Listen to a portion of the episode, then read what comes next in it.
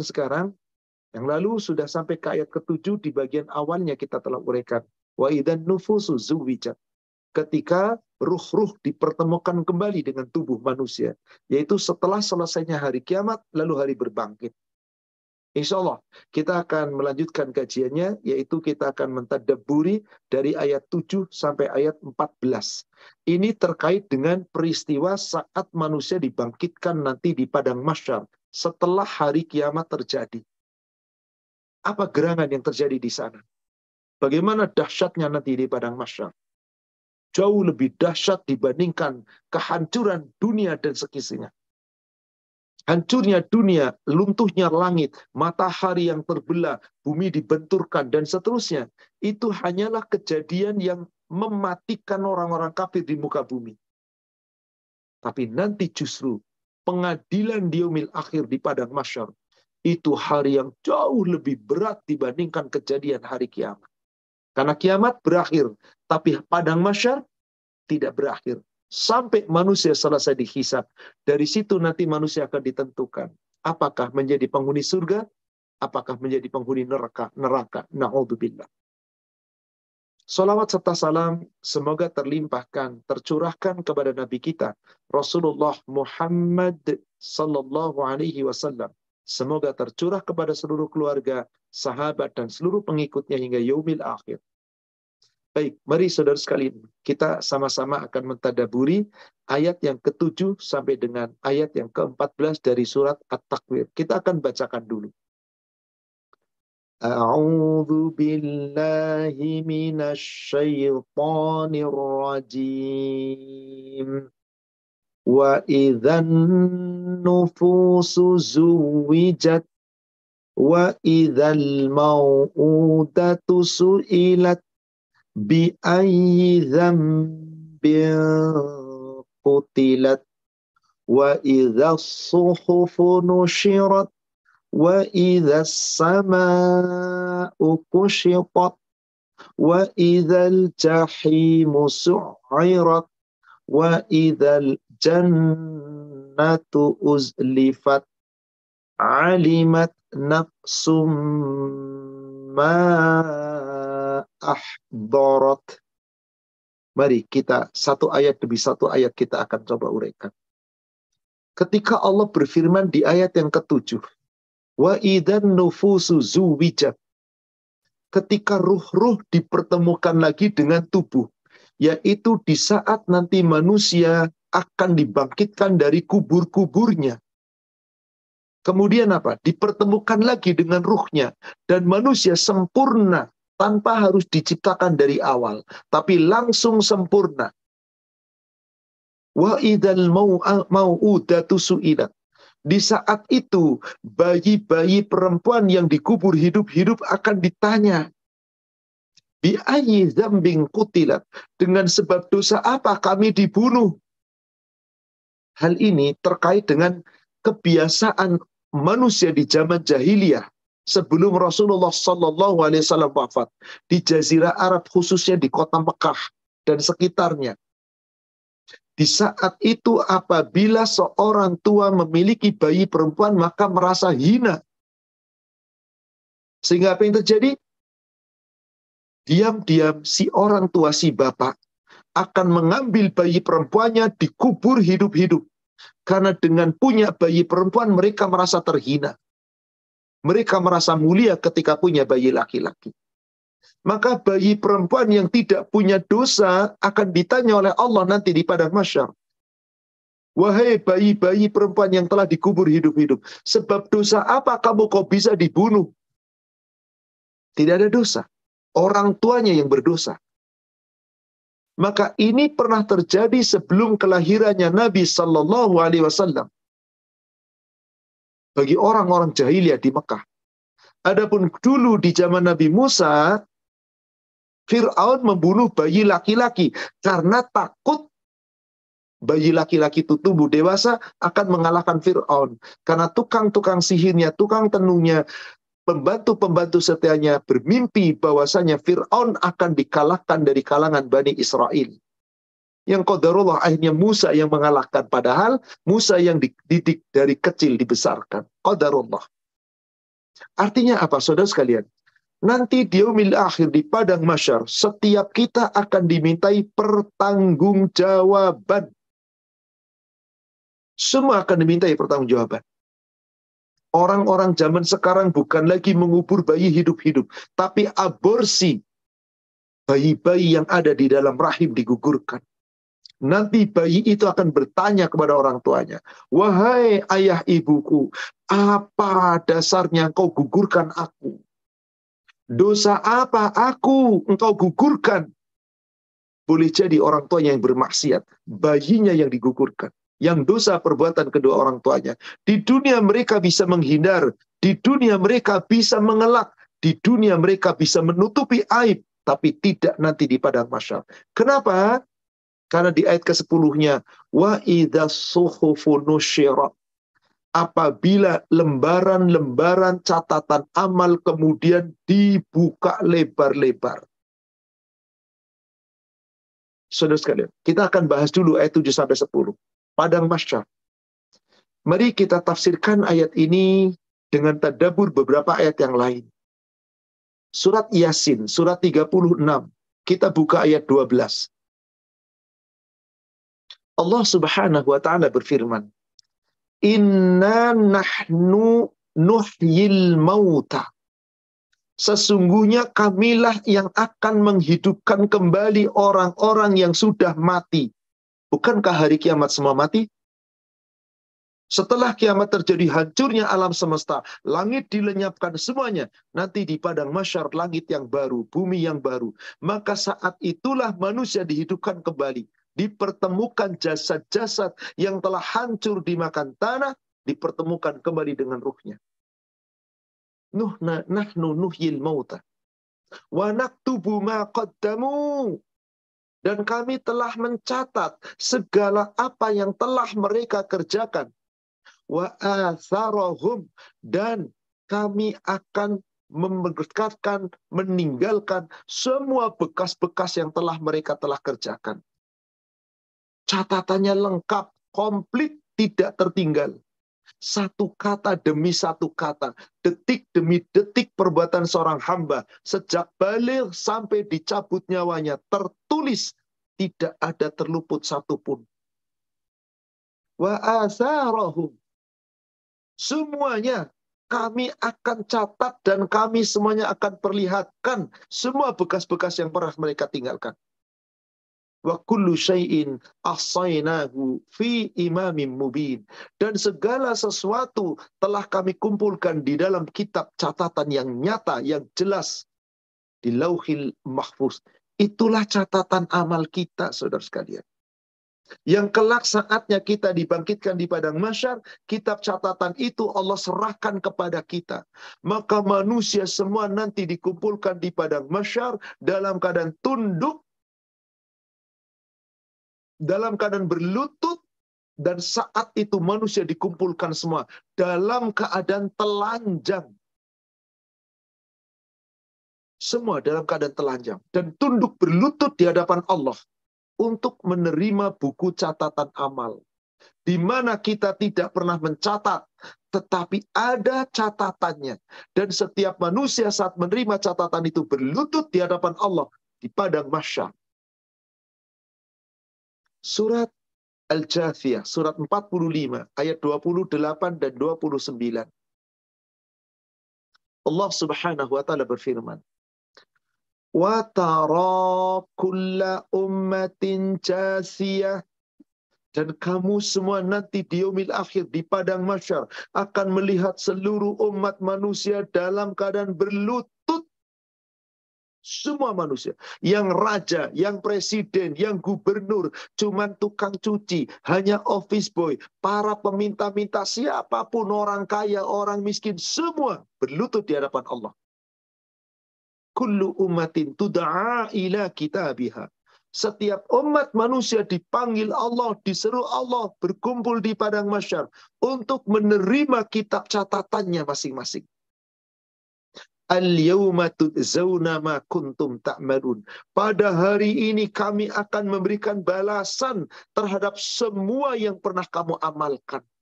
itulah hari yang nanti akan dibangkitkan. Dipertemukannya ruh dengan jasad. Lalu akan ditanya. Kita akan mengalami itu semua saudara sekalian. Maka saat itu Allah berfirman di ayat ke-29-nya. Hadza kitabuna Inilah kitab catatan kami. Inilah hai manusia kitab catatan kami. Nanti yantiqu alaikum bil haq.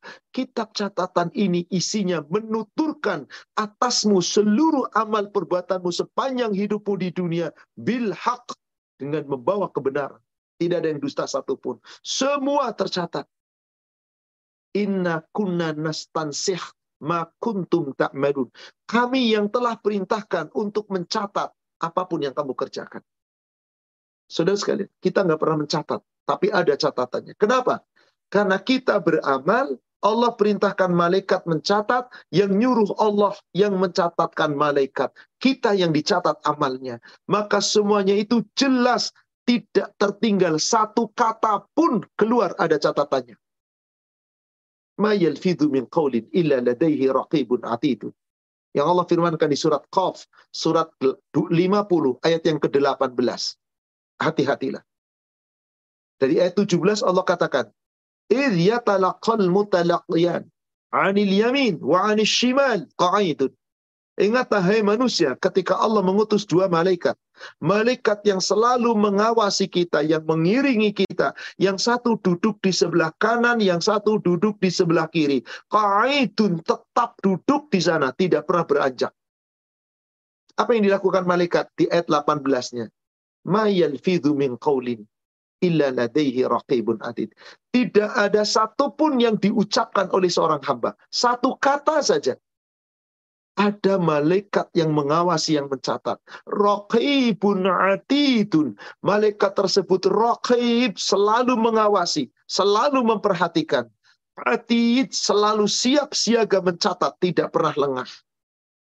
Yang kanan mencatat amal-amal kebaikan, yang kiri mencatat amal-amal keburukan. Demi Allah semuanya tercatat.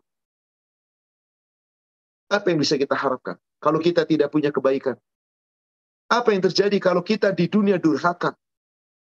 Sedangkan nanti dibangkitkan di padang masyar. Keadaan begitu sulit, keadaan begitu berat. Di saat manusia dibangkitkan, saudara keseiman, dalam keadaan telanjang, dalam keadaan tidak beralas kaki, dalam keadaan belum dihitan. Saat itu semua manusia dibangkitkan bersaf-saf berdiri. Allah firmankan di surat 18 Al-Kahfi ayat 48. Wa'uridu ala rabbika saffan. Dan kalian semua hai manusia akan dikumpulkan di padang masyar menghadap Allah dalam keadaan berdiri berbaris-baris.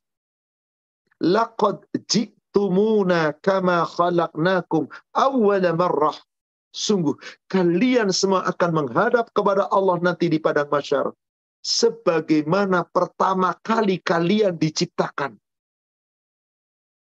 Apa maksudnya pertama kali diciptakan? Kayak bayi, lemah keadaan kita tidak punya daya upaya, miskin, tidak berpakaian, tidak beralas kaki, belum dihitan. Seperti itu keadaan kita di padang masyar. Hanya kita semua sudah dewasa. Nggak ada lagi bayi, nggak ada kakek nenek. Semua sepantar dewasa. Laqad ji'tumuna kama lan naj'alakum mawida. Bahkan kalian hai manusia mengingkari seakan-akan tidak ada hari perjanjian ini. Seakan-akan hidup bebas, mati sudah jadi tanah. Maka saat Rasulullah membaca ayat ini, beliau menyampaikan sebuah hadis. Di dalam riwayat Imam Muslim dari Ummul Muminin Aisyah. Qala Rasulullah wasallam, "Yuhsyarun nas yaumal qiyamah khufatan, uratan, ghurlan Nanti pada hari kiamat manusia dibangkitkan oleh Allah dalam keadaan khufatan, uratan, ghurlan. Bertelanjang, tidak pakai baju, pakai busana. Beralas kaki, tidak pakai sepatu, tidak pakai sendal. Ghurlan dan keadaannya belum dihitan. Kultu. Aisyah bertanya. Ya Rasulullah, wahai Rasulullah. An-nisa war-rijal jami'an yang zuru ba'duhum ila ba'din. Apakah di saat manusia dikumpulkan di padang masyar, mereka telanjang, tidak beralas kaki, tidak berbusana, belum dihitan. Laki-laki dan wanita saat itu bercampur baur menjadi satu? Apakah mereka tidak saling memandang aurat satu sama lain? Qala Rasulullah sallallahu alaihi wasallam. Beliau Rasulullah sallallahu alaihi wasallam menjawab, "Ya Aisyah, wahai istriku, wahai Aisyah, al-mar'u yawma idzin ashad ayyanzura ba'duhum ila ba'din." Keadaan manusia saat itu berat, berat, sangat berat Bagaimana saling memandang satu sama lain. Boro-boro mandang aurat orang lain. Mikirin sendiri saja sudah kebingungan. Itulah gambaran padang masyar. Itulah gambaran padang masyar. Maka di saat manusia sudah kumpul semua di padang masyar, dalam keadaan berlutut, diserahkanlah catatan amal kepada kita masing-masing. Yang catatan itu memperlihatkan isi dari semua amal kita. Sepanjang kita hidup dari balik sampai detik terakhir dicabut nyawa kita. Allah firmankan di surat 17, surat Al-Isra, ayat 13 dan ayat 14. Wa kulla insanin alzamnahu ta'irahu fi unuqih. Dan setiap manusia telah kami tetapkan kitab catatannya dikalungkan di lehernya. Wa nukhrijulahu yaumal qiyamah. Dan kami akan keluarkan kitab catatannya itu pada hari kiamat. Itu kitaban yanqahu mansyura. Kitab catatan amal yang kelak terbuka. Yang kamu bisa lihat dengan jelas. Maka Allah berfirman di ayat yang ke-14 ya. Iqra kitabak. Wahai manusia, inilah kitab catatanmu. Baca olehmu sendiri. Baca olehmu sendiri. Kafa binafsikal yawma alaika hasiba. Cukuplah dirimu sendiri pada hari ini yang akan menghisap, menghitung amalmu sendiri. Saudara sekalian, siapa yang bisa menolong kita? Dan semua catatan itu tidak tertinggal sekecil apa pun, yang kecil yang besar ada tertulis dalam kitab catatan. Malaikat yang menulis. Allah firmankan pula di surat Al-Qamar, surat 54. Di ayat 52 dan ayat 53. Allah subhanahu wa ta'ala berfirman, Wa kullu syai'in fa'aluhu fi zubur segala sesuatu yang telah diperbuat oleh manusia tercatat di dalam buku-buku catatan. Wa kullu saghirin wa kabirin mustapor. Semua yang kecil, semua yang besar, semua tertulis, tercatat, tidak terlupakan. Maaf. Terkadang ada orang berani mengatakan, dosa kecil inilah gak apa-apa. Habis gimana lagi? Zaman sekarang kalau kita nggak begini nggak dapat, ya dosa-dosa dikit lah. Kenapa ada orang berani berkata demikian? Sebab dia belum pernah merasakan bagaimana beratnya menanggung dosa di padang masyar. Yang kecil, yang besar, ada catatannya. Maka saat manusia menerima catatan amal, dalam keadaan terbuka, lihat catatannya ada dosa, kecil, besar, ada semua, terbelalak, terkejut, ketakutan. Na'udzubillah. Semoga tidak termasuk kita. Tapi Allah gambarkan seperti itu. Saudara sekalian, ayat-ayat yang sedang kita uraikan, menjelaskan tadi surat yang sudah kita baca di surat At-Takwir, dari 7 sampai 10, dijabarkan oleh Allah dalam ayat yang lain. Rasul sampaikan di dalam Al-Hadis. Untuk apa? Agar kita di dunia betul-betul yakin dan kita berhati-hati. Jangan sembarangan. Ini ayat menceritakan kejadian di padang masyar. Tapi Allah sudah ceritakan sekarang. Karena Allah tahu yang akan datang. Dan ini gaib. Tapi kita imani. Aminu bil gaib. Meskipun ayat-ayat ini semuanya belum terjadi sekarang. Apa yang terjadi nanti saat kitab catatan diletakkan? Dan orang-orang berdosa lihat catatan dosanya. Yang kecil, yang besar tercatat. Nggak bisa ngelek. Nggak bisa ngeles, ngelak. Kembali ke surat Al-Kahfi Tadi di surat Al-Kahfi ayat 48 ketika mereka dikumpulkan dalam keadaan telanjang. Sebagaimana diciptakan pertama kali. Setelah semuanya kumpul di padang masyar, diletakkan kitab catatan yang tadi terbuka tadi. Ayat ke-49-nya. Wa wudi'al kitab nanti kitab-kitab catatan amal yang milik kita, tapi kita nggak pernah nyatat. Kita cuma berbuat, tapi malaikat yang mencatat diletakkan oleh Allah di hadapan kita. Terbuka lebar catatan itu ada di pandangan mata kita. Waudi'al kita. Maka apa yang terjadi? Fatarul mujrimina mushfiqina mimma fi maka kalian akan melihat nanti di yaumil akhir di padang masyar orang-orang yang mujrimin, orang-orang yang berdosa, bukan kafirin. Kalau kafirin jelas. Mujrimin, orang Islam tapi banyak berbuat dosa. Saat di dunia dia gagah dengan dosanya. Dia nggak pernah merasa salah. Dia aman-aman saja. Coba perhatikan. Orang Islam yang berbuat dosa diperingatkan. Adalah dosa-dosa gue lu ikut campur, ada orang gak sholat, hayo sholat. Adalah gue gak perlu biar gak sholat, yang penting orangnya baik. Daripada dia sholat tapi kayak gitu, mendingan saya gak sholat tapi baik. Ada orang berdosa mengklaim baik, Pak. Kenapa? Dia gak lihat catatannya. Apa yang terjadi nanti? Fatarol mujrimina mim mushfiqina mimma fi orang-orang yang berdosa, yang di dunia dia bahkan berani menentang dosanya sendiri, akan terkejut ketakutan melihat catatan yang ada padanya. Mimma fi yang ada padanya, yaitu pada kitab catatan itu. Wayakulun, maka orang-orang berdosa itu satu kalimat yang keluar dari musuh mulutnya.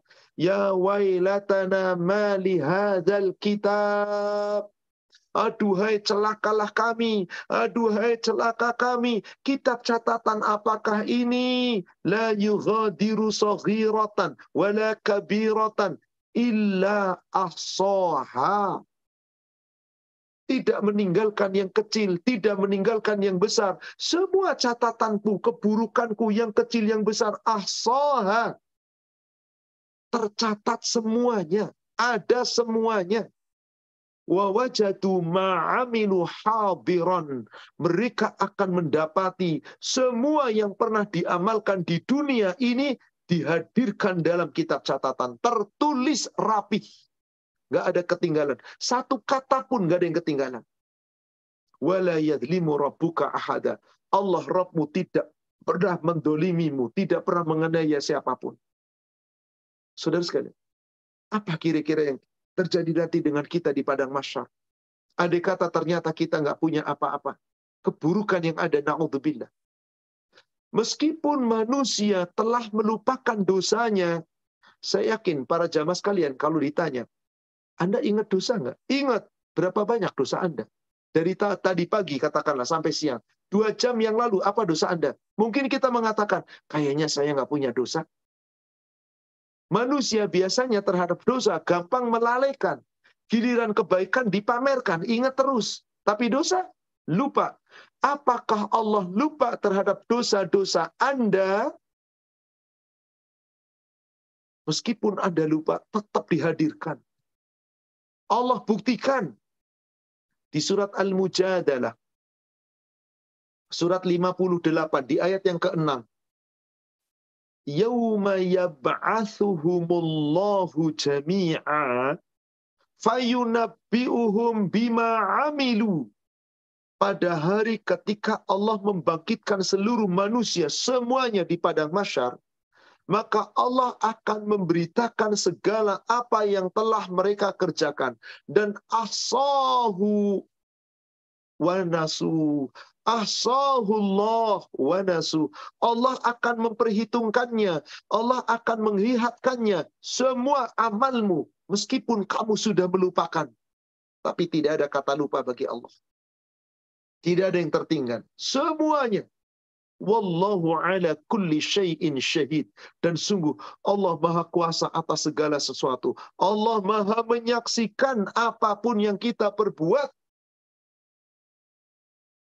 Siapa yang bisa nolong kita, saudara sekalian? Siapa yang akan membela kita? Siapa gerangan? Tidak ada. Kecuali diri kita masing-masing. Amal-amal kita. Karena masing-masing tidak akan peduli. Nggak akan ada saling bertegur sapa. Nggak ada tolong menolong. Karena masing-masing sibuk menghadapi hisab masing-masing menerima catatan amal, menghadapi hisab, maka semuanya tidak peduli. Bahkan hubungan kekeluargaan saat ditiupkan nanti sangkakala yang kedua, dibangkitkan di padang masyar, tidak peduli. Nggak ada hubungan pertalian. Nggak ada persaudaraan. Allah firmankan di surat 23 ayat 101.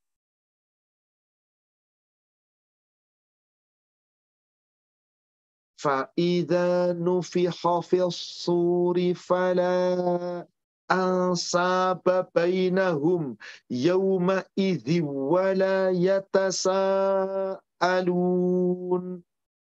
Maka apabila sangkakala yang kedua telah ditiup, yaitu manusia dibangkitkan nanti di padang masyar, maka pada hari itu tidak ada hubungan kekerabatan, tidak ada pertalian nasab, tidak ada hubungan kekeluargaan, dan mereka tidak saling bertegur sapa, tidak saling bertanya. Tidak saling bertanya, saudara sekalian. Masing-masing lebih jelas Allah ceritakan di surat Abasa, surat 80. Satu surat sebelum At-Takwir. Surat 80 dari ayat ke-33. Fa'idha ja'atil sohkoh. Maka apabila tiupan sangkakala yang kedua telah ditiup, manusia dibangkitkan di padang masyar, apa yang terjadi saat itu? Yauma yafirrul mar'u min akhi. Manusia lari dari saudaranya. Wa ummihi wa abi. Lari dari ibu dan bapaknya. Wa sahabit wa sahibatihi wa bani. Lari dari sahibnya, yaitu pasangannya. Suami lari dari istrinya. Istri lari dari suaminya. Wa bani. Lari dari anak-anaknya. Kenapa? Minhum sya'nu yughni. Tiap mereka masing-masing sibuk dengan urusannya, dengan amalnya. Maka nanti Allah akan perlihatkan siapa orang yang baik, siapa orang jahat.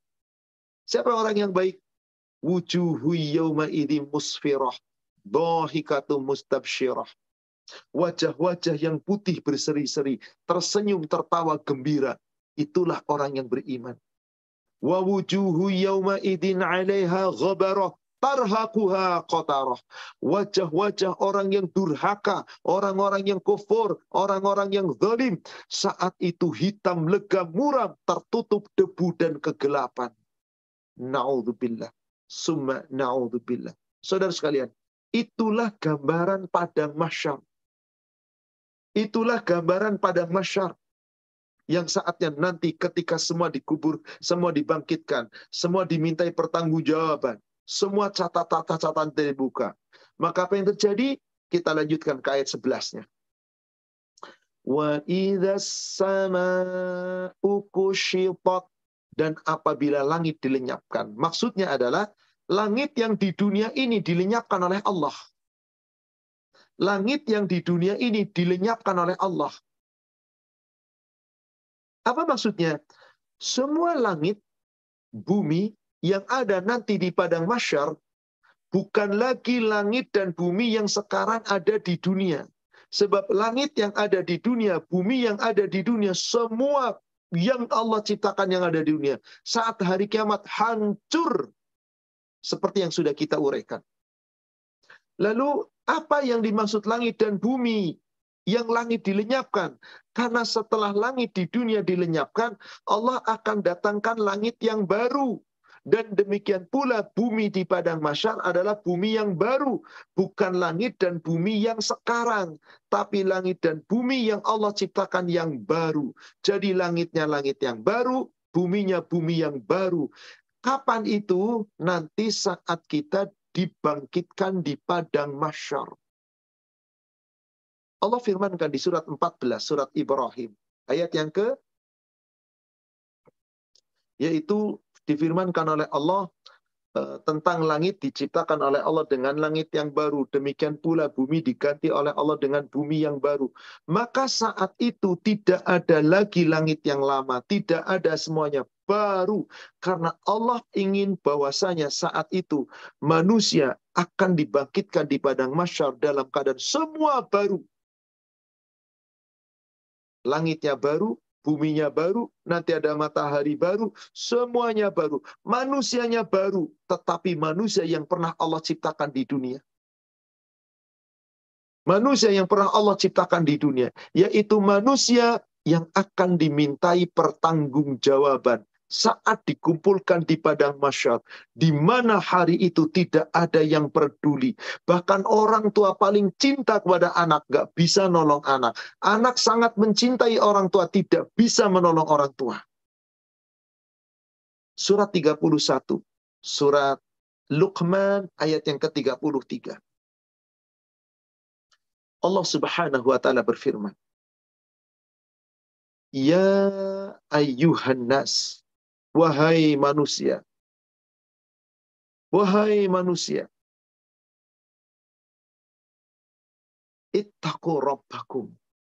Bertakwalah kalian semua kepada Rabbmu. Wasyau yauman. Hendalah kalian semua takut akan datangnya nanti suatu hari. La yajzi walidun an waladih Seorang tua tidak bisa nolong anaknya. Bapak nggak bisa nolong anak laki-lakinya. Ibu nggak bisa nolong anak perempuannya. Wala mauludun huwa jazin an waladihi. Anak-anak nggak bisa nolong orang tuanya sedikit pun. Inna waqtallahi haq.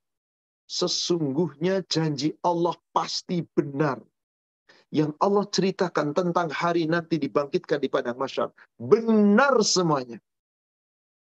Tidak ada yang dusta. Wa'adallahi haqqun.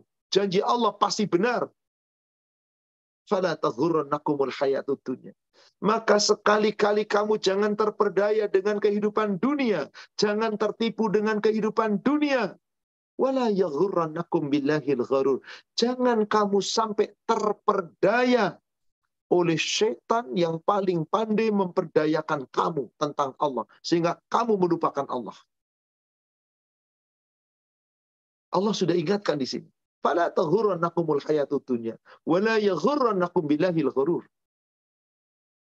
Siapa yang terperdaya dengan gawa nafsu setan, maka di dunia dia berbuat seenaknya, jangan harap selamat nanti di yaumil akhir. Karena tidak ada yang membela. Tidak berlaku pembelaan. Tidak berguna syafaat. Tidak berlaku tebusan. Tidak ada pertolongan.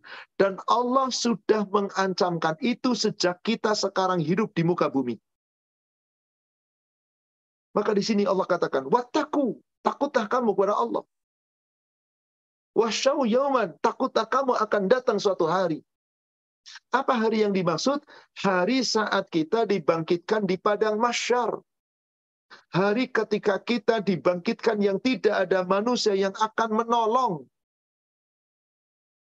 Ini pasti, saudara sekalian. Dan ini pasti. Semuanya. Tidak ada tertinggal satupun. Tidak ada yang terlewatkan. Dan manusia tidak saling peduli satu sama lain. Maka Allah ingatkan pula di surat Al-Baqarah 123.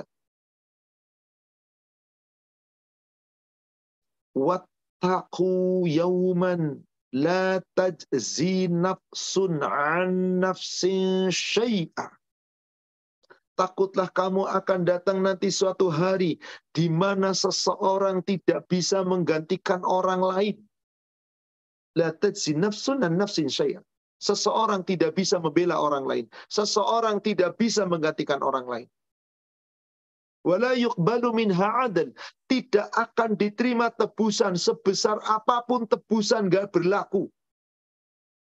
Wala tanfa'uha syafa'ah. Syafa'at, pertolongan, pengingat tidak berlaku, tidak ada manfaatnya. Walahum yunsarun. Dan mereka tidak akan ditolong. Mereka tidak akan ditolong. Allah tidak pernah akan menolong orang-orang yang di dunia mengabaikan Allah. Mereka tidak akan ditolong oleh Allah sebab mereka tidak pernah menolong Allah di dunia.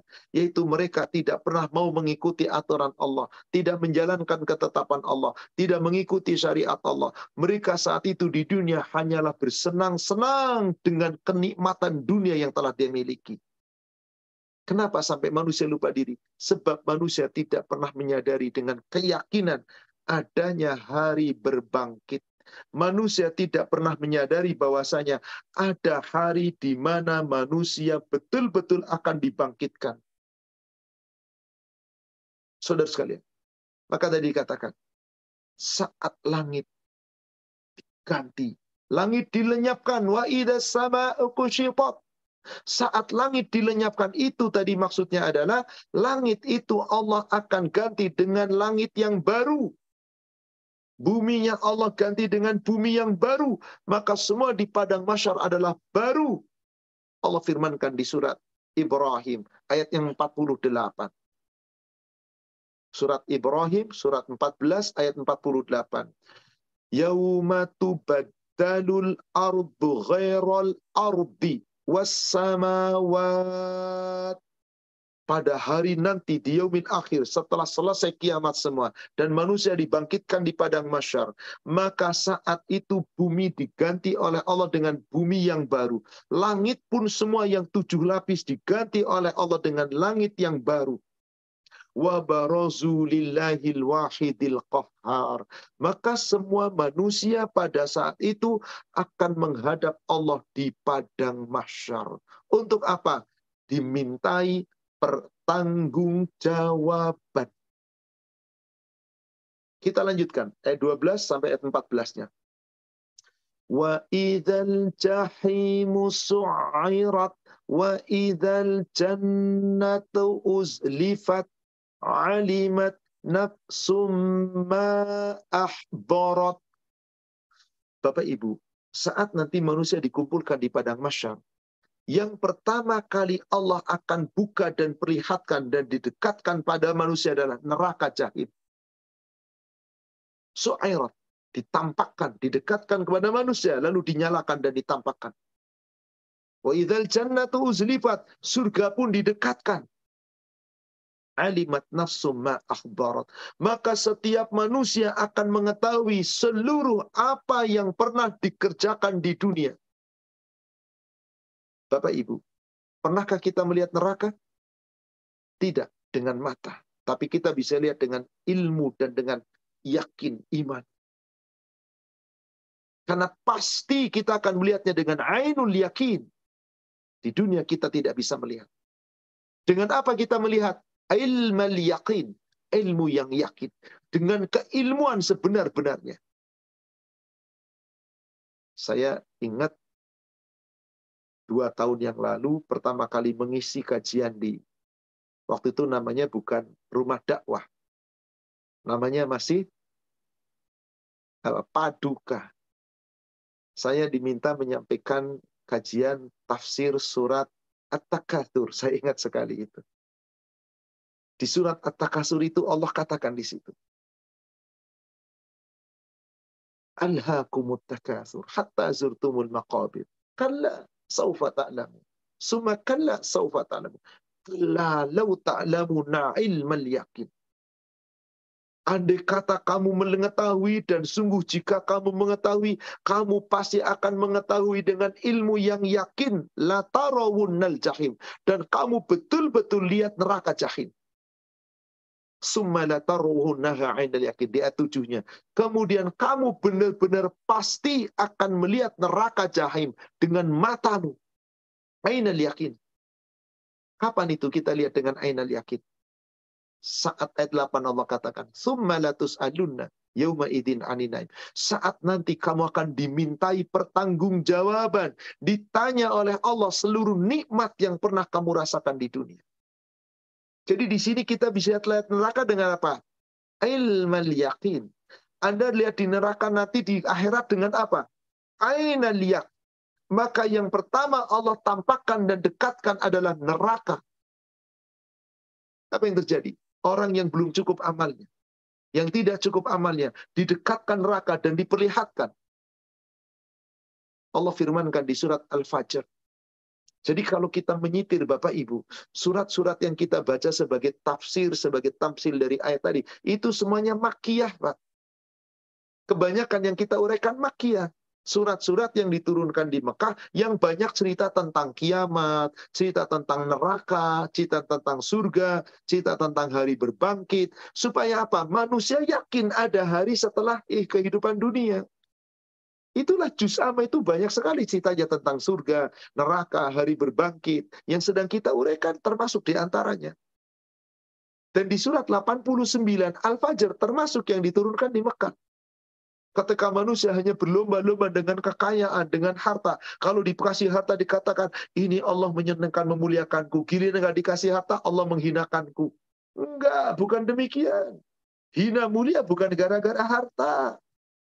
Maka Allah katakan di ayat ke-21-nya. Coba kita lihat surat 89 dari ayat 21 sampai ayat 24. Kalla idza dukkatil ardu dakkan dakka. Sekali-kali tidak. Apabila bumi telah diguncangkan berturut-turut, yaitu kiamat terjadi. Saat itu hampir hancur semuanya, dibangkitkan manusia di padang masyarakat Wajah rabbuka wal malaku soffan soffa. Saat itu Robmu akan datang dan manusia akan digiring dan diapit oleh para malaikat berdiri berbaris-baris. Malaikat kanan kiri yang mencatat amal kita, depan belakang yang menggiring kita, mengawasi kita. Apa yang terjadi saat itu? Wajah Rabbuka wal malaku sofan sofan. Waji ayuma idim bi jahannam. Yang pertama didatangkan oleh Allah neraka jahanam. Diperlihatkan dengan jelas dilihat oleh mata manusia. Apa yang terjadi saat itu?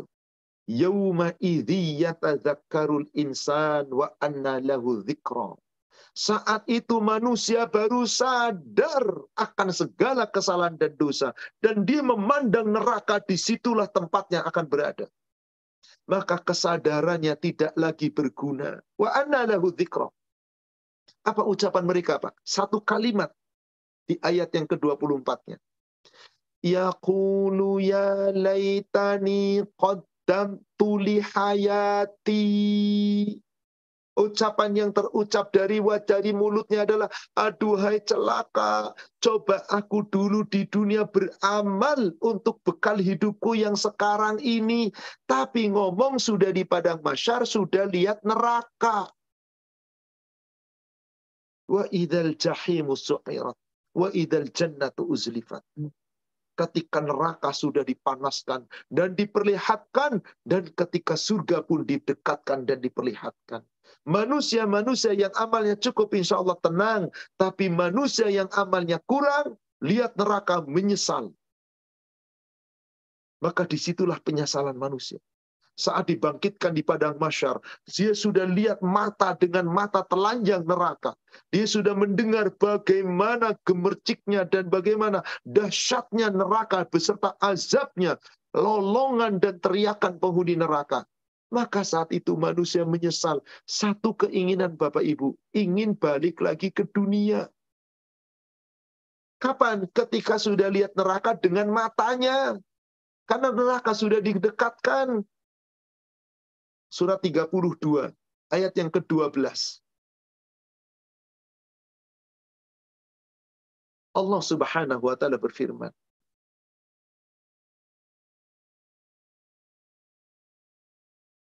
Afan, saya agak sedikit hilaf surat 32 ayat 12. Hmm. Subhanallah. Akhirnya baca nggak? Saya agak lupa di bagian Bisa. awal. Apa itu akhir? A'udzubillahiminasyaitonirrajim. Bismillahirrahmanirrahim. Walau taro izil mujrim. Jazakallah khairan. Walau taro idhil mujrimuna nakisuru usihim inda rabbihim. Walau taro. Sungguh ngeri. Kalau kamu lihat, benar-benar lihat dengan matamu. Idhil mujrimin. Ketika orang-orang berdosa, orang-orang durhaka, bukan kafirin. mujrimun, orang-orang yang durhaka, yang berdosa kepada Allah di dunia dari kalangan orang Islam. Nakisuru usihim inda rabbihim. Menundukkan kepalanya, menundukkan wajahnya di hadapan Rob mereka. Saking takutnya, saking ngerinya sudah lihat neraka di depan matanya. Apa kalimat yang keluar? Rabbana ya Rob kami, absorna kami telah melihat, wasami'na kami telah mendengar. Dulu di dunia Anda nggak pernah lihat neraka, sekarang dilihat dengan mata Anda. Dulu Anda nggak pernah mendengar bagaimana gejolak dahsyatnya suara neraka. Anda sekarang mendengar. Apa yang terjadi? Karena saking ngerinya lihat neraka, sedang dia amalnya amalan buruk, berarti dia yakin akan masuk neraka. Satu keinginannya, farjina na'mal salihan. Inna muqinun.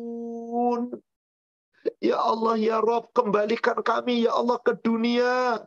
Kami akan beramal saleh. Kami sekarang yakin, yakin adanya neraka ya Allah.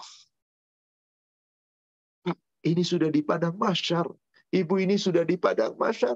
Gimana kalau yang ngomong itu ternyata kita? Na'udzubillah, summa na'udzubillah. Ini pasti dan ini terjadi. Kapan? Saat diperlihatkan. Wa idhal jahimu su'ayru. Neraka dipanaskan dan ditampakkan. Wa idzal jannatu uzlifat. Surga didekatkan dan ditampakkan.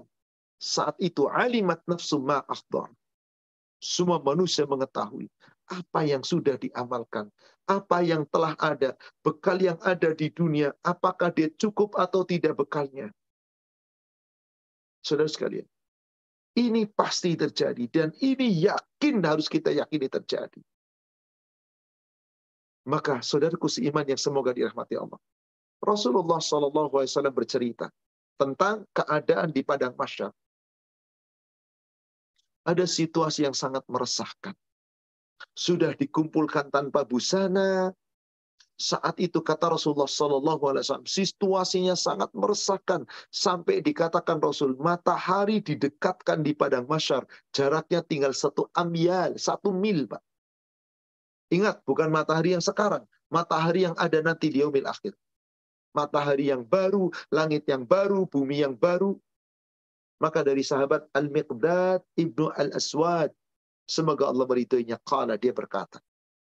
Kala Rasulullah sallallahu alaihi wasallam telah bersabda Rasulullah sallallahu alaihi wasallam, "Tudna syamsu yaumal qiyamah al-miyal matahari pada hari kiamat akan didekatkan. Jaraknya kira-kira satu mil di atas kepala manusia. Qala, maka Rasulullah bersabda, "Fayakunu nasu ala qadri a'malihim fil 'araq." manusia saat di padang masyar ketika hendak menerima kitab catatan amal mereka telah menerimanya maka saat itu manusia di padang masyar akan tergenang dengan keringatnya masing-masing faminhum man yakunu ila ada orang yang tergenang dengan teringat dengan keringatnya sampai batas lututnya dua lututnya Wa minhum man yakunu ila rukbataihi. Ada pula yang tekan sampai dengan kedua lututnya. Wa minhum man yakunu ila haqwaihi. Ada pula yang tergenang sampai dengan dadanya. Ada pula yang sampai haqwaihi, sampai kedua sampai ke mulutnya sambil rusuk asyara Rasulullah sallallahu alaihi wasallam Rasul berisyarat dengan mulutnya. Nih, ada yang keringatnya tergenang segini, megap-megap. Bapak bisa bayangkan, ibu bisa bayangkan berada di kolam renang, tinggi Bapak 160 cm, tinggi Ibu 160 cm. Kolam renangnya, kolam renangnya dalamnya 150. Pas air di sini, Pak. Panik apa tidak? Anda sudah panik dulu. Padahal nggak bakal tenggelam. Bong segini kok. Anda masih bisa jalan. Tapi kenapa panik? Anda nggak bisa berenang. Gimana di padang masyar orang tergenang keringat sampai mulut. Gimana yang terbenam? Itu semua kata Rasulullah tergantung amal kita. Tergantung amal kita. Kalau amal kita baik, insya Allah aman. Gimana kalau amal kita tidak baik? Saya akhiri dengan rangkaian ayat surat An-Nazi'at. Mari kita buka surat An-Nazi'at. Surat 79. Dari ayat 34. Fa'idha ja'ati pommatul kubra. Maka apabila malaikat melatak petaka besar telah datang hari kiamat, hancur seluruh alam. Maka manusia nanti dibangkitkan di padang masyar. Apa yang terjadi di padang masyar? Yauma yatazakkarul insanu masa'a saat itu seluruh manusia teringat apa yang telah dikerjakannya. Waburizatil jahimu limayyara. Maka neraka diperlihatkan jelas kepada semua manusia yang bisa melihat. Wa.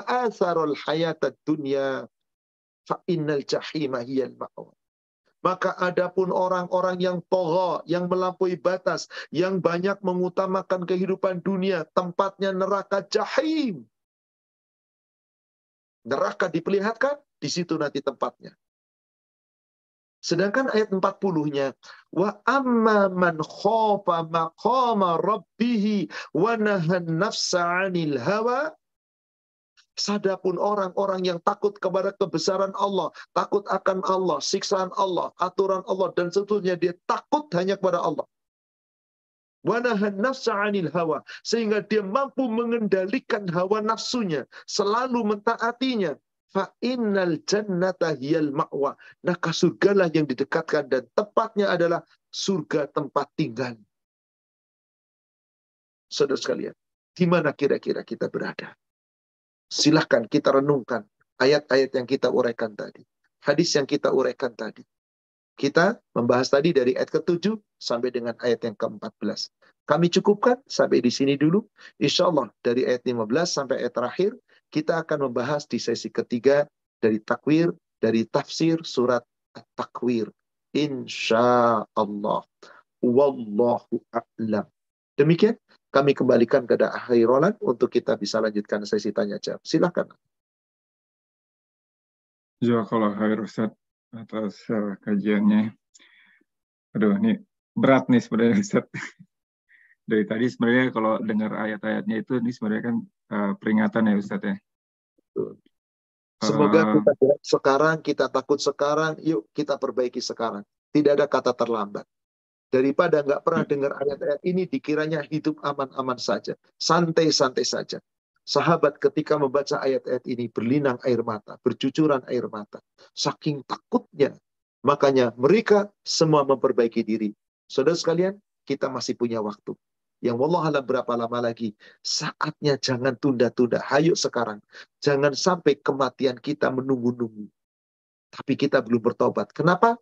Karena kematian kita nggak nunggu tobat kita. Segera tobat kita yang harus kita dahulukan. Saatnya kita mati, semoga kita dalam keadaan sudah bersih. Insya Allah. Amin ya Rabbal Alamin. Baik Ustaz, uh, untuk sesi tanya jawab ini udah ada dua yang masuk Ustaz. Kebetulan ada satu yang sepertinya uh, on topic sama dengan topik yang kali ini. Saya ya. izin share screen Ustaz.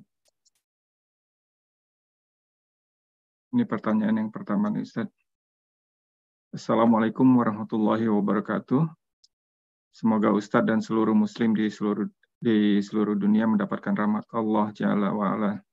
Afwan, izin bertanya Ustadz, jika seorang remaja wafat di usia muda karena salah pergaulan, apakah yang akan terjadi padanya saat dihisap nanti ketika ditanya tentang semua perbuatan buruknya saat hidupnya? sedangkan dia tidak pernah mendapat sedikit pun pendidikan agama atau akhlak dari orang tuanya. Jazakallah khair Baik. Ini yang ditekankan remaja. Remaja, apakah sudah dewasa? Kalau dikatakan remaja, belum dewasa.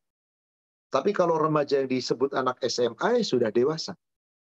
Kenapa? Karena dewasa di dalam Islam itu mengacu kepada usia 15 tahun.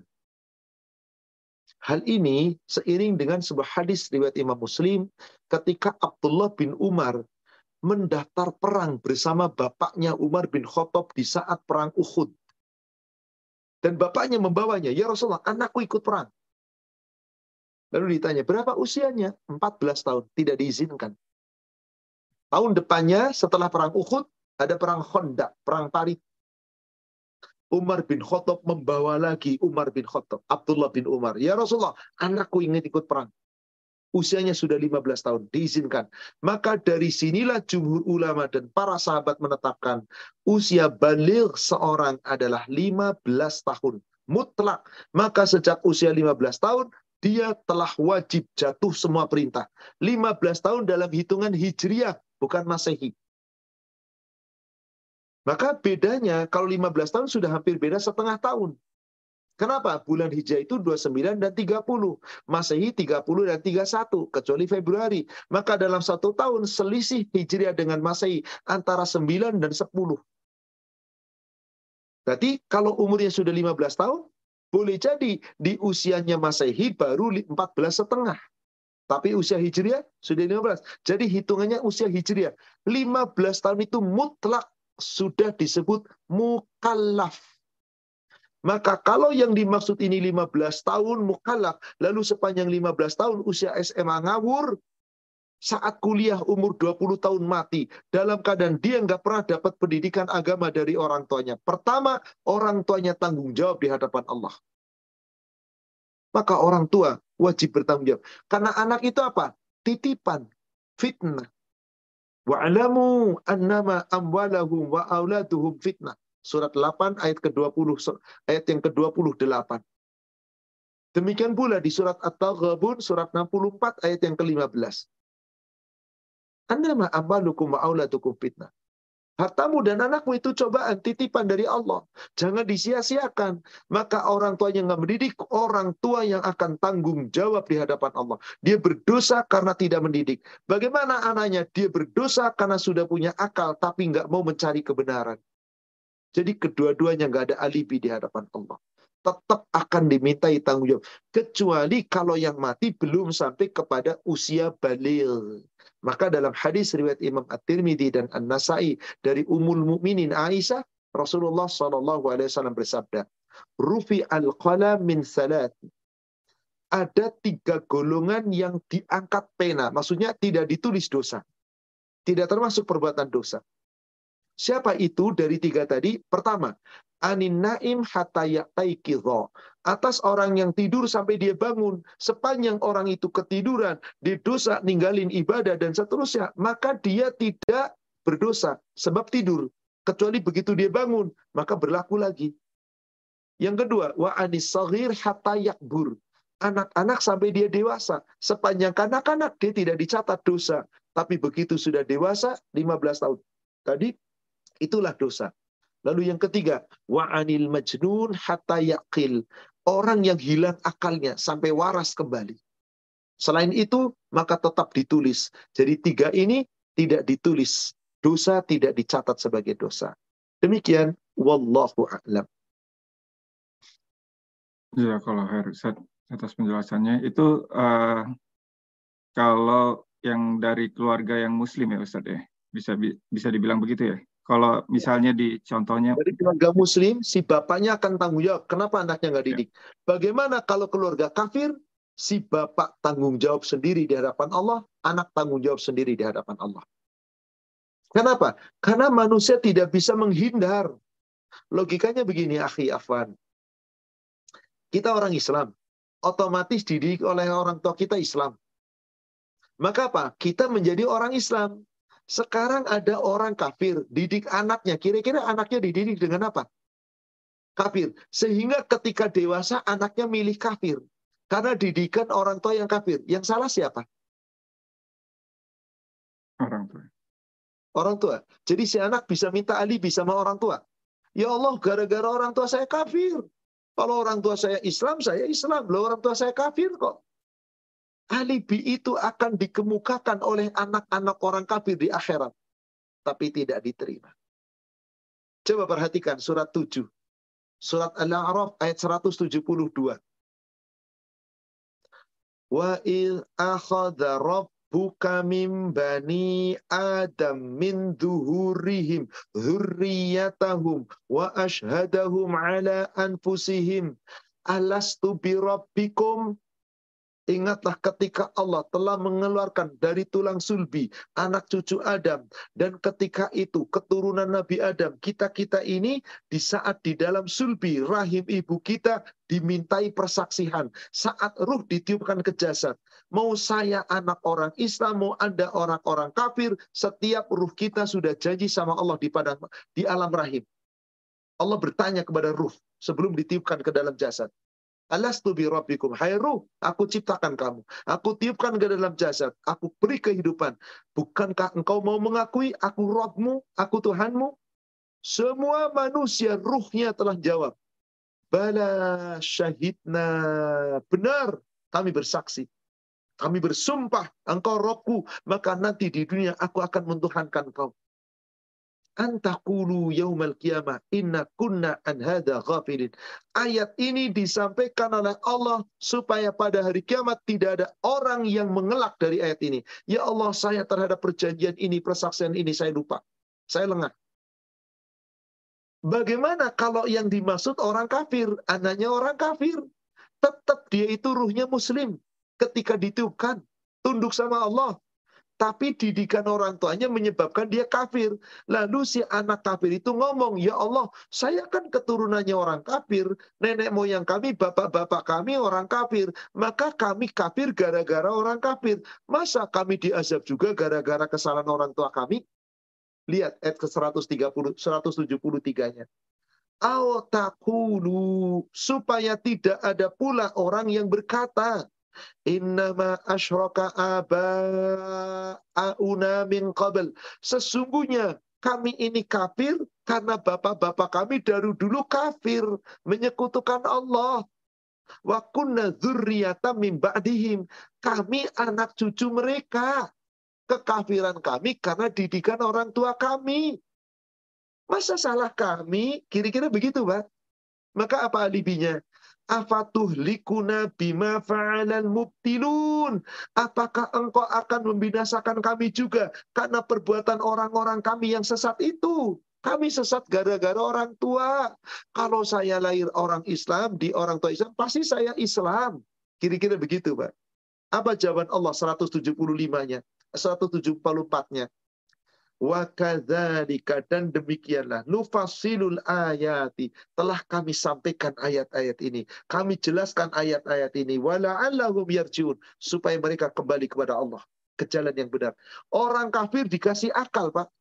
Maka wajib orang kafir memikirkan apakah agama yang dianut benar atau salah. Rata-rata orang kafir yang benar-benar kafir, Pak. Yang benar-benar kafir pasti menyelidiki agamanya. Benar apa enggak? Maka banyak sekali orang kafir yang menyelidiki agamanya. Akhirnya enggak cocok. Banyak masuk Islam. Tuh orang kafir yang benar-benar kafir pada mau belajar. Tapi orang kafir yang kayak orang Islam sekedar Islam, ya pada yang penting gue mah kafir aja udah. Nggak pernah mau belajar. Kitabnya nggak pernah dipelajari, apalagi Quran. Maka seperti umat Islam. Cukup Islam, sholat enggak, ngaji enggak, baca Quran enggak. Udah yang penting saya Islam, sama aja. Maka mereka semua akan bertanggung jawab. Apa intinya? Tidak ada yang bisa ngelak dari persaksian di hadapan Allah. Karena ruh-ruh kita semua sudah berjanji kepada Allah. Demikian. Wallahu a'lam. Uh, Afwan Ustaz, itu tadi pertanyaan tambahan dari saya sebenarnya. Karena um, saya pernah dengar juga gitu, uh, termasuk untuk yang saat ini ya Ustadz, di negara-negara barat gitu. Kalau dibilang ada pertanyaan, kalau belum sampai Islam kepadanya itu bagaimana Ustadz? Allah yang maha tahu. Daripada kita pusing mikirin mereka yang mereka nggak pernah mikirin diri, mendingan kita pikirkan bagaimana akhir-akhir kita, Pak. Oh, iya enggak. Ini misalnya mereka mereka yang bertanya gitu, Ustaz. Kalau mereka bertanya, jawab saja, Wallahu alam, ini urusan Allah. Syukuri, Alhamdulillah saya sekarang dalam keadaan muslim. Tapi bagaimana kalau ternyata mereka hidup di suatu tempat yang mereka tidak pernah menerima Islam, tidak ada tidak ada kabar apa-apa, udah bodoh katakanlah di pelosok-pelosok pedalaman, di Afrika pelosok-pelosok yang nggak pernah ada dakwah masuk. Allah yang maha tahu, tapi ada sebuah ayat, Pak. Coba perhatikan surat 7. Surat Al-A'raf yang sama tadi, ayatnya ke ayat 15. Allah subhanahu wa ta'ala berfirman tentang ayat ini. Apa kata Allah? Apa? Saya keliru. Bukan surat Al-A'raf. Surat Al-Isra. Surat 17, maaf. Surat 17, surat Al-Isra, ayatnya ayat yang ke-15. Coba perhatikan ayat ini. Manih tada, barang siapa yang berbuat sesuai dengan petunjuk, karena dapat petunjuk dan mencari petunjuk, mayahtadi nafsi. Maka semua usahanya itu untuk dirinya sendiri. Wa man fa. Siapa yang sesat, nggak mau nyari hidayah, nggak mau nyari ilmu, pokoknya terserah saya, nggak pernah terbuka wawasannya. Padahal ada sarana dan dia punya akal, maka dia sesat untuk dirinya sendiri. Wala taziru waziratu wizra ukhra. Bahwasanya seseorang berdosa tidak akan dibebankan kepada dosa orang lain. Perhatikan ujung ayatnya, Pak. Wa ma kunna mu'adzibina hatta nab'atha rasulah kami tidak pernah mengadab suatu kaum sebelum diutusnya seorang rasul. Pak, maaf. Penulis rasul itu siapa, Pak? Ulama. Iya, Jadi yang dimaksud rasul di sini bukan cuma rasul. Rasul sudah wafat. Ternyata ada daerah sepelosok nggak pernah tercentuh. Nggak ada pendakwah bisa masuk ke sana nggak ada teknologi masuk ke sana. Primitif orang itu. Nggak tahu apa-apa, nggak ada ilmu pengetahuan, nggak punya agama apa-apa. Perbuatannya seenaknya. Banyak di Afrika, di pedalaman, Pak. Jangankan itu, di negara kita ada, Pak. Suku-suku tertentu, Pak. Maka bagaimana? Saya serahkan sama Allah. Allah janji, Allah tidak mengazab sebelum diutusnya Rasul. Kalau memang orang itu di sana belum pernah ada utusan para ulama yang menyebarkan dakwah, nggak pernah sampai dakwah kepada mereka, wallahu a'lam, serahkan semuanya kepada Allah. Kita nggak tahu yang akan terjadi, Pak. Itu yang terjadi dengan jawaban. Yang paling enak seperti itu. Kenapa? Kita nggak tahu Pak ilmunya. Dah, serahkan sama Allah. Di zaman Rasul juga masih banyak negara-negara yang nggak tersentuh Arab-Arab Baduy yang nggak pernah dapat dakwah. Terserah Allah mau diapakan mereka itu. Alhamdulillah sekarang kita dapat hidayah. Apakah kita lahir dari keluarga muslim, apakah kita mu'alaf yang tadinya orang kafir keluarganya, yang jelas sekarang kita Islam, yuk kita jadikan Islam kita kafah untuk bekal kita nanti di yaumil akhir. Demikian, wallahu a'lam. Ustaz. Jelas, jelas penjelasan. Um, untuk pertanyaan berikutnya, izin saya share screen lagi. Silakan. Ini terkait dengan yang hilang akal tadi penjelasan Ustadz nih. Pak Ustadz izin bertanya mengenai penjelasan Pak Ustadz barusan yang tentang hilang akal. Apakah penyakit demensia atau ODGJ uh, eh, orang dalam gangguan jiwa termasuk ke dalam hilang akal tersebut Ustadz? Baik. Orang dalam gangguan jiwa sekarang istilahnya ODGJ Bukan cuma orang dalam gangguan jiwa. Maaf, ada orang yang akalnya hilang tapi nggak gila. Alzheimer. Ada Pak? Apakah orang itu dikatakan gila? Tidak, tapi hilang akal. Bahkan ada orang Alzheimer hitungan jam mudah lupa. Ada yang hitungan hari baru lupa, ada yang hitungan pekan baru lupa. Tergantung bagaimana kadarnya. Nah, di sini dibagi menjadi dua. Di dalam sejarah, tidak ada orang gangguan akal ketika usianya masih di bawah usia balik. Coba anak-anak kecil, ada nggak orang gila kecil, Pak? Apa yang dikatakan gila? Kalau orang itu sudah dewasa. Maka nanti akan dilihat akibat apa gilanya itu. Rata-rata orang yang hilang akal gila itu, yang paling banyak adalah ketika di usia normalnya akalnya sehat, nggak mau ingat Allah. Maka dicabut akalnya oleh Allah. Dia lupa pada dirinya sendiri. Gila jadinya. Surat 59 ayat yang ke-19. Surat 59 ayat 19.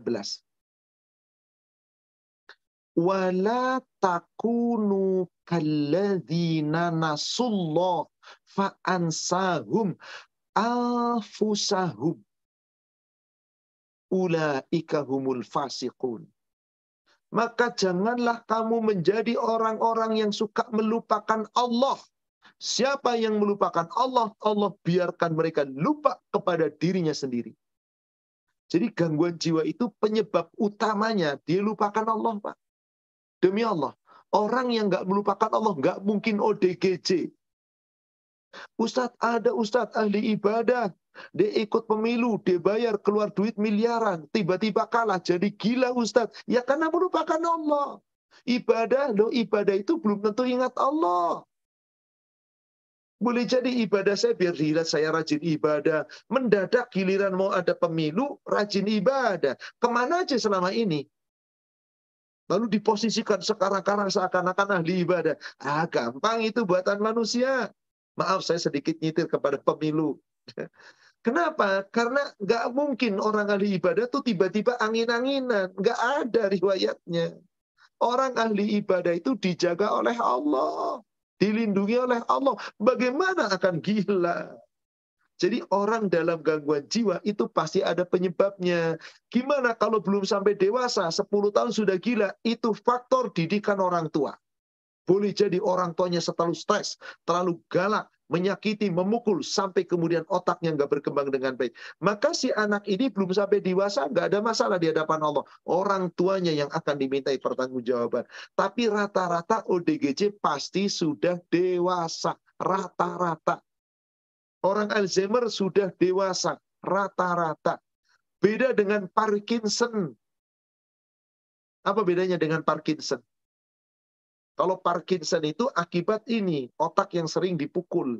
Sehingga kayak Muhammad Ali, Parkinson sarafnya nggak bisa normal. Tapi dia masih bisa berpikir. Kalau Alzheimer, otaknya sudah tidak bisa berpikir. Dia sudah lupa. Hari ini ingat, nanti beberapa jam lagi lupa. Besok lupa. Nah, itulah dia Alzheimer. Maka kayak orang tidak punya apa-apa. Sudah kayak kosong saja pandangannya. Nah semuanya itu nanti Allah yang akan bertanya di padang masyar. Kenapa kamu sampai begini? Semuanya diruntut Pak. Gak ada yang lolos satupun. Demikian. Wallahu a'lam. Um, ini mengingat uh, untuk mengingatkan lagi ke jamaah, kalau mau bertanya langsung juga silahkan lewat feature raise hand. Namun ini berhubung belum ada nih Ustaz, boleh pertanyaan yang out of topic Ustaz? Boleh, silahkan.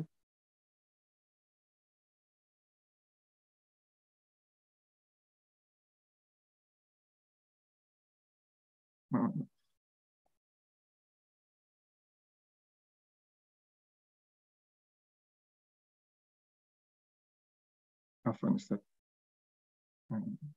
Ya, nih di-share kembali. Nah, ini tentang hadis nih Ustaz. Um, Bismillah, Pak Ustadz. Apakah hadis di bawah ini uh, sahih? Seandainya iya, bagian doanya itu bolehkah di, dihafalkan dan dibaca dalam setiap sujud?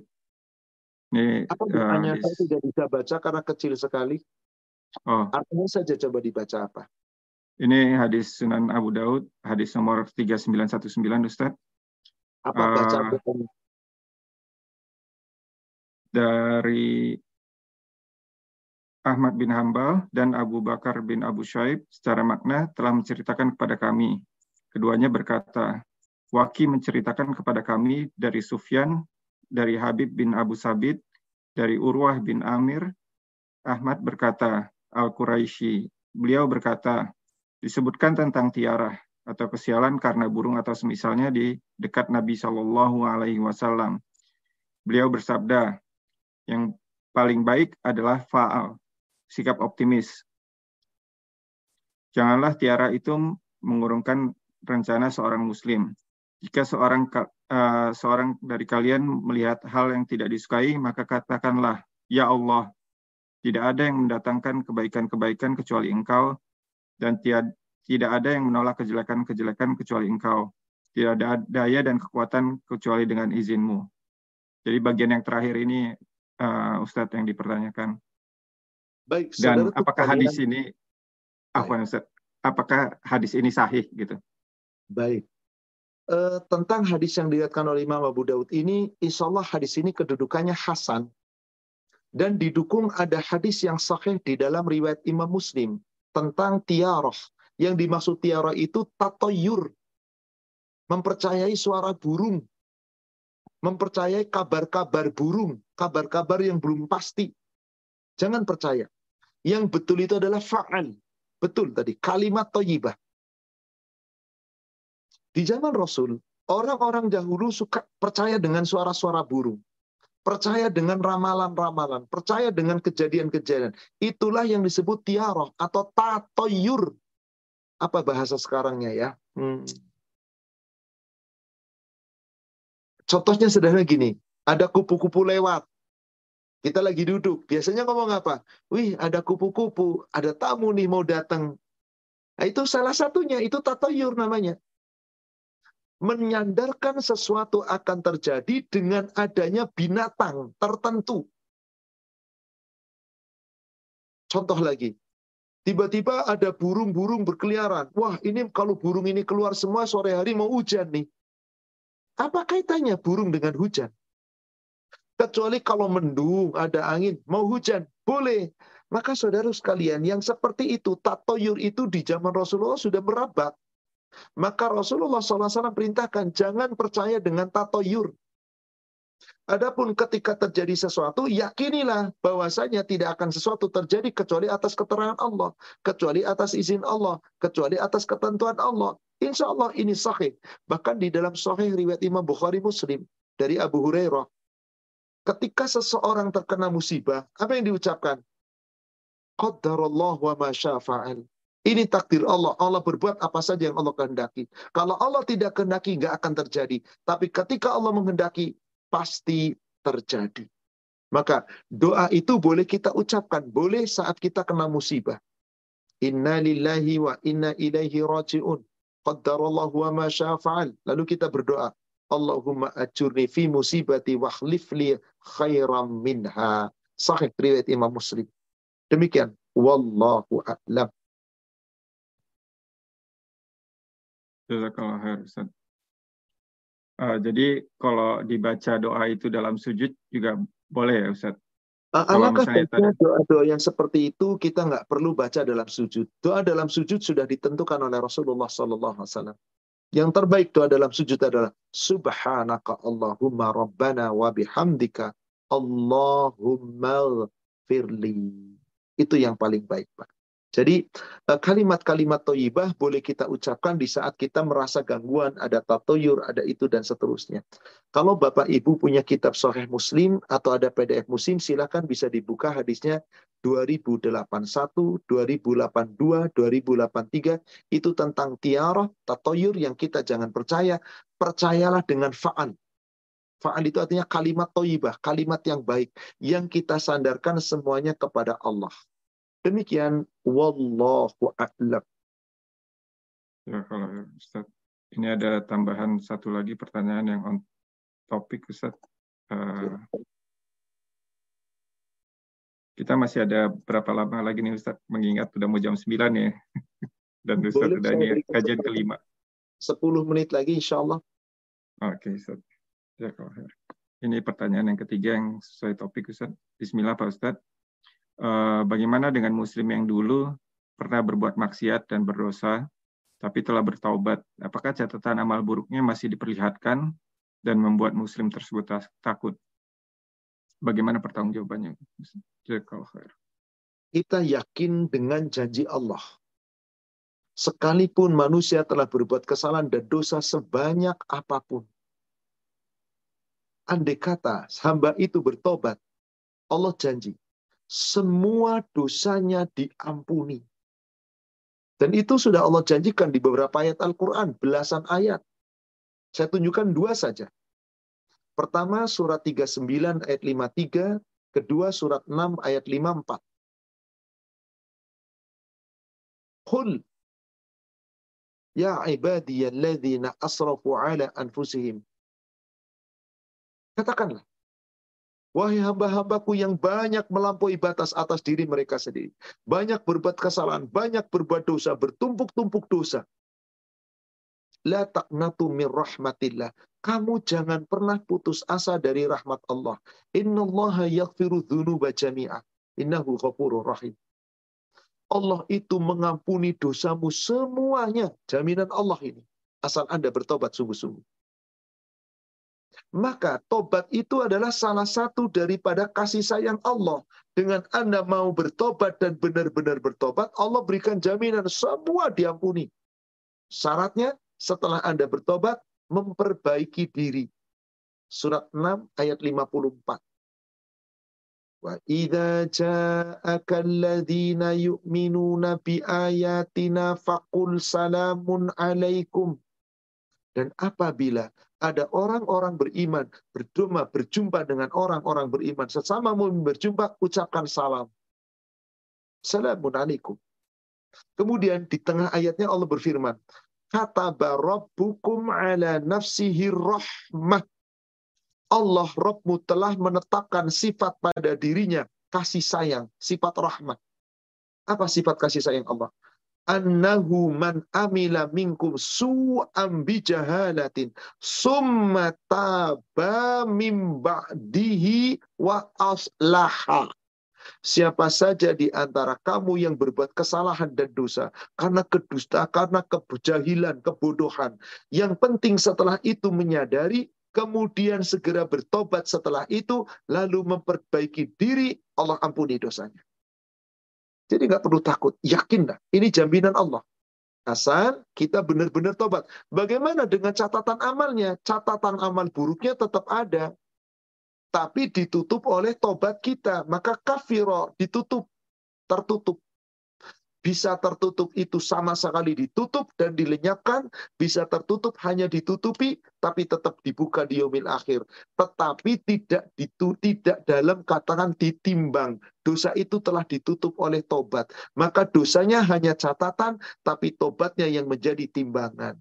Sama seperti misalkan ada seorang nggak lulus, nggak naik kelas, maka rapotnya merah, kemudian remedial, setahun lagi pendidikan lagi, lalu dia belajar sungguh-sungguh, akhirnya dia nilainya bagus. Maka yang dilihat nilai bagusnya, itulah tobatnya. Nilai merahnya ada, tapi ditutup, tidak berlaku, meskipun kelihatan. Demikian, wallahu a'lam. Ya, kalau Ustaz atas jawabannya. Um, ini ada pertanyaan out of topic lagi nih Ustaz. Silakan.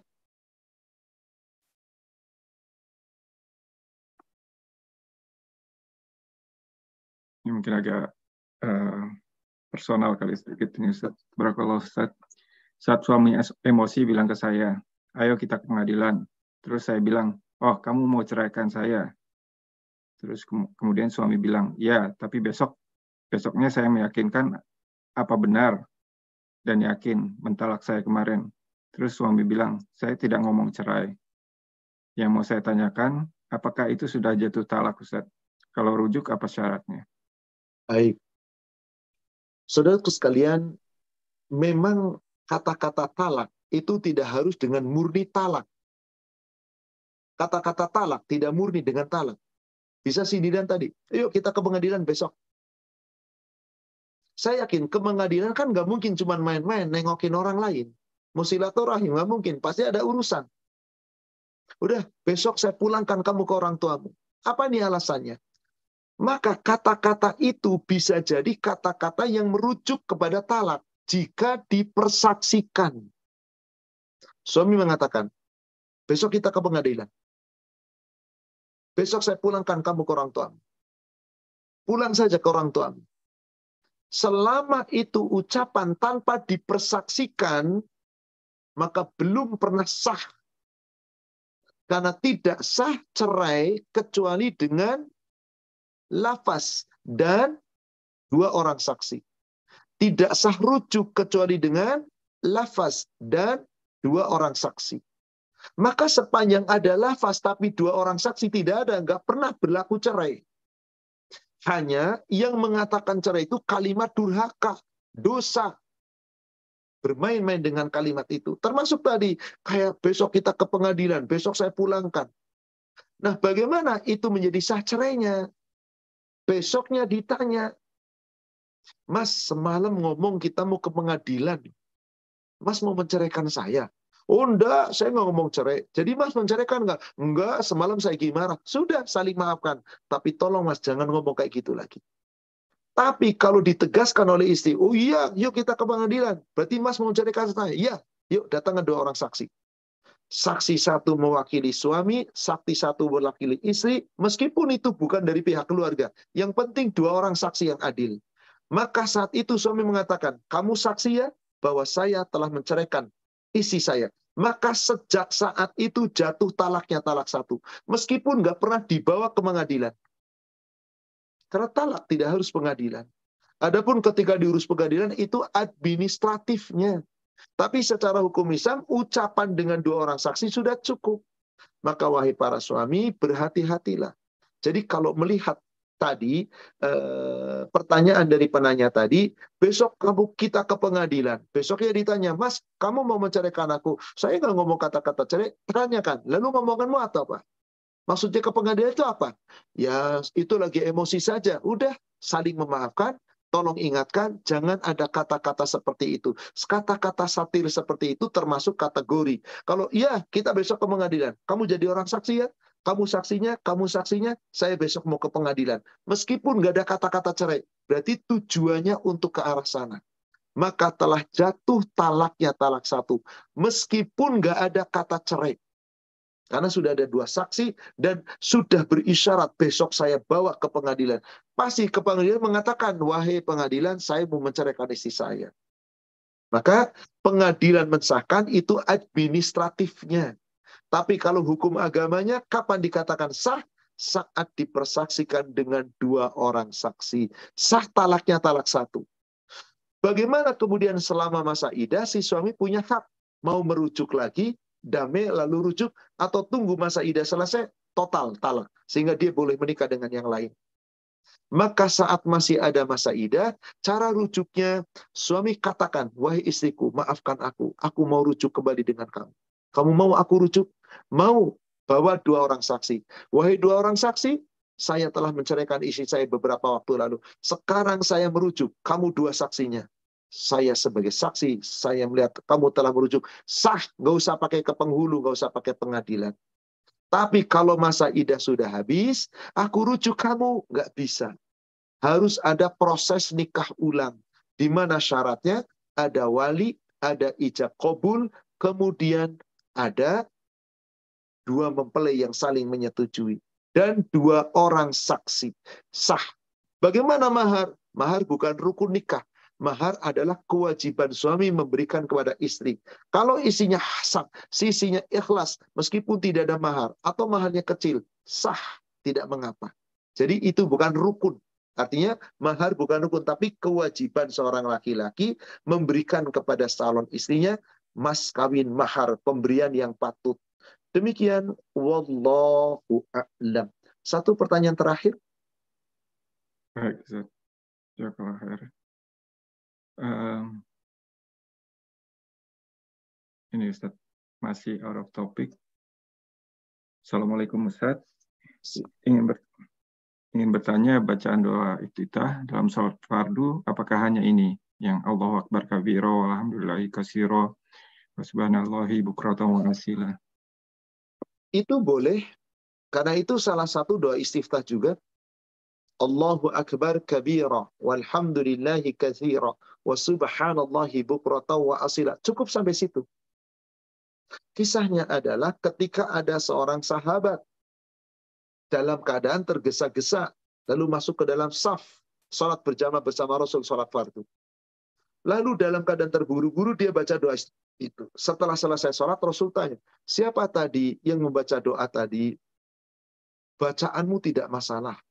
Aku melihat, aku melihat ucapan itu dibuka pintu-pintu langit. Semua pintu langit dibuka. Maka aku kagum dengan bacaan itu. Allahu Akbar kabira walhamdulillahi katsira wa subhanallahi bukrata wa asila. Cukup sampai di sini. Hadis sahih riwayat Imam Muslim. Ada pula doa istiftah yang lain. Alhamdulillahi hamdan katsiran tayyiban mubarakan fi. Kasusnya sama. Ada orang mau suka sab tergesa-gesa. Lalu membaca doa istiftah ini setelah selesai salat Rasul tanya, siapa tadi yang membaca kalimat tadi? Gak ada yang berani nunjuk.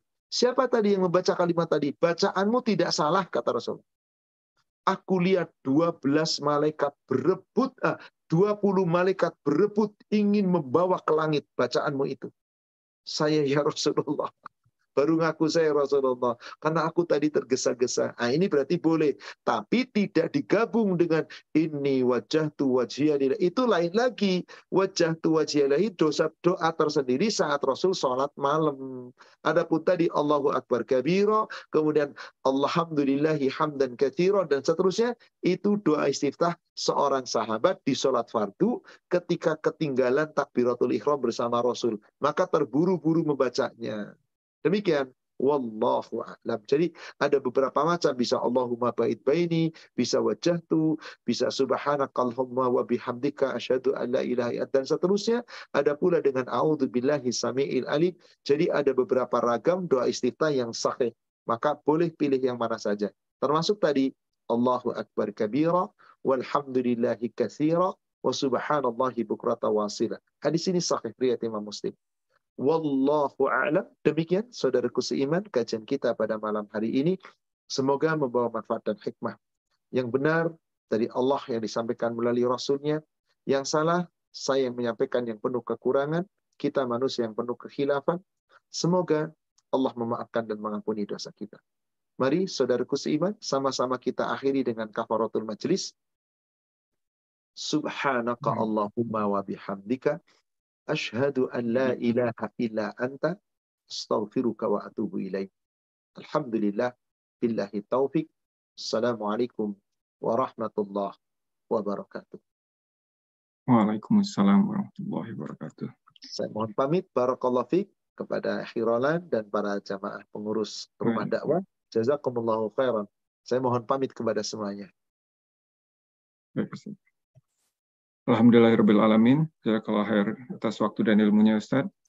Semoga kajian kali ini bermanfaat bagi kita semua. Untuk menyimak kembali kajian kali ini dan kajian-kajian sebelumnya, silahkan kunjungi channel YouTube kami di channel Rumah Dakwah UK ataupun lewat platform RSS, Apple maupun Google Podcast. Kami dari panitia mohon maaf jika ada kekurangan dan kesalahan. Barakallahu fikum. Assalamualaikum warahmatullahi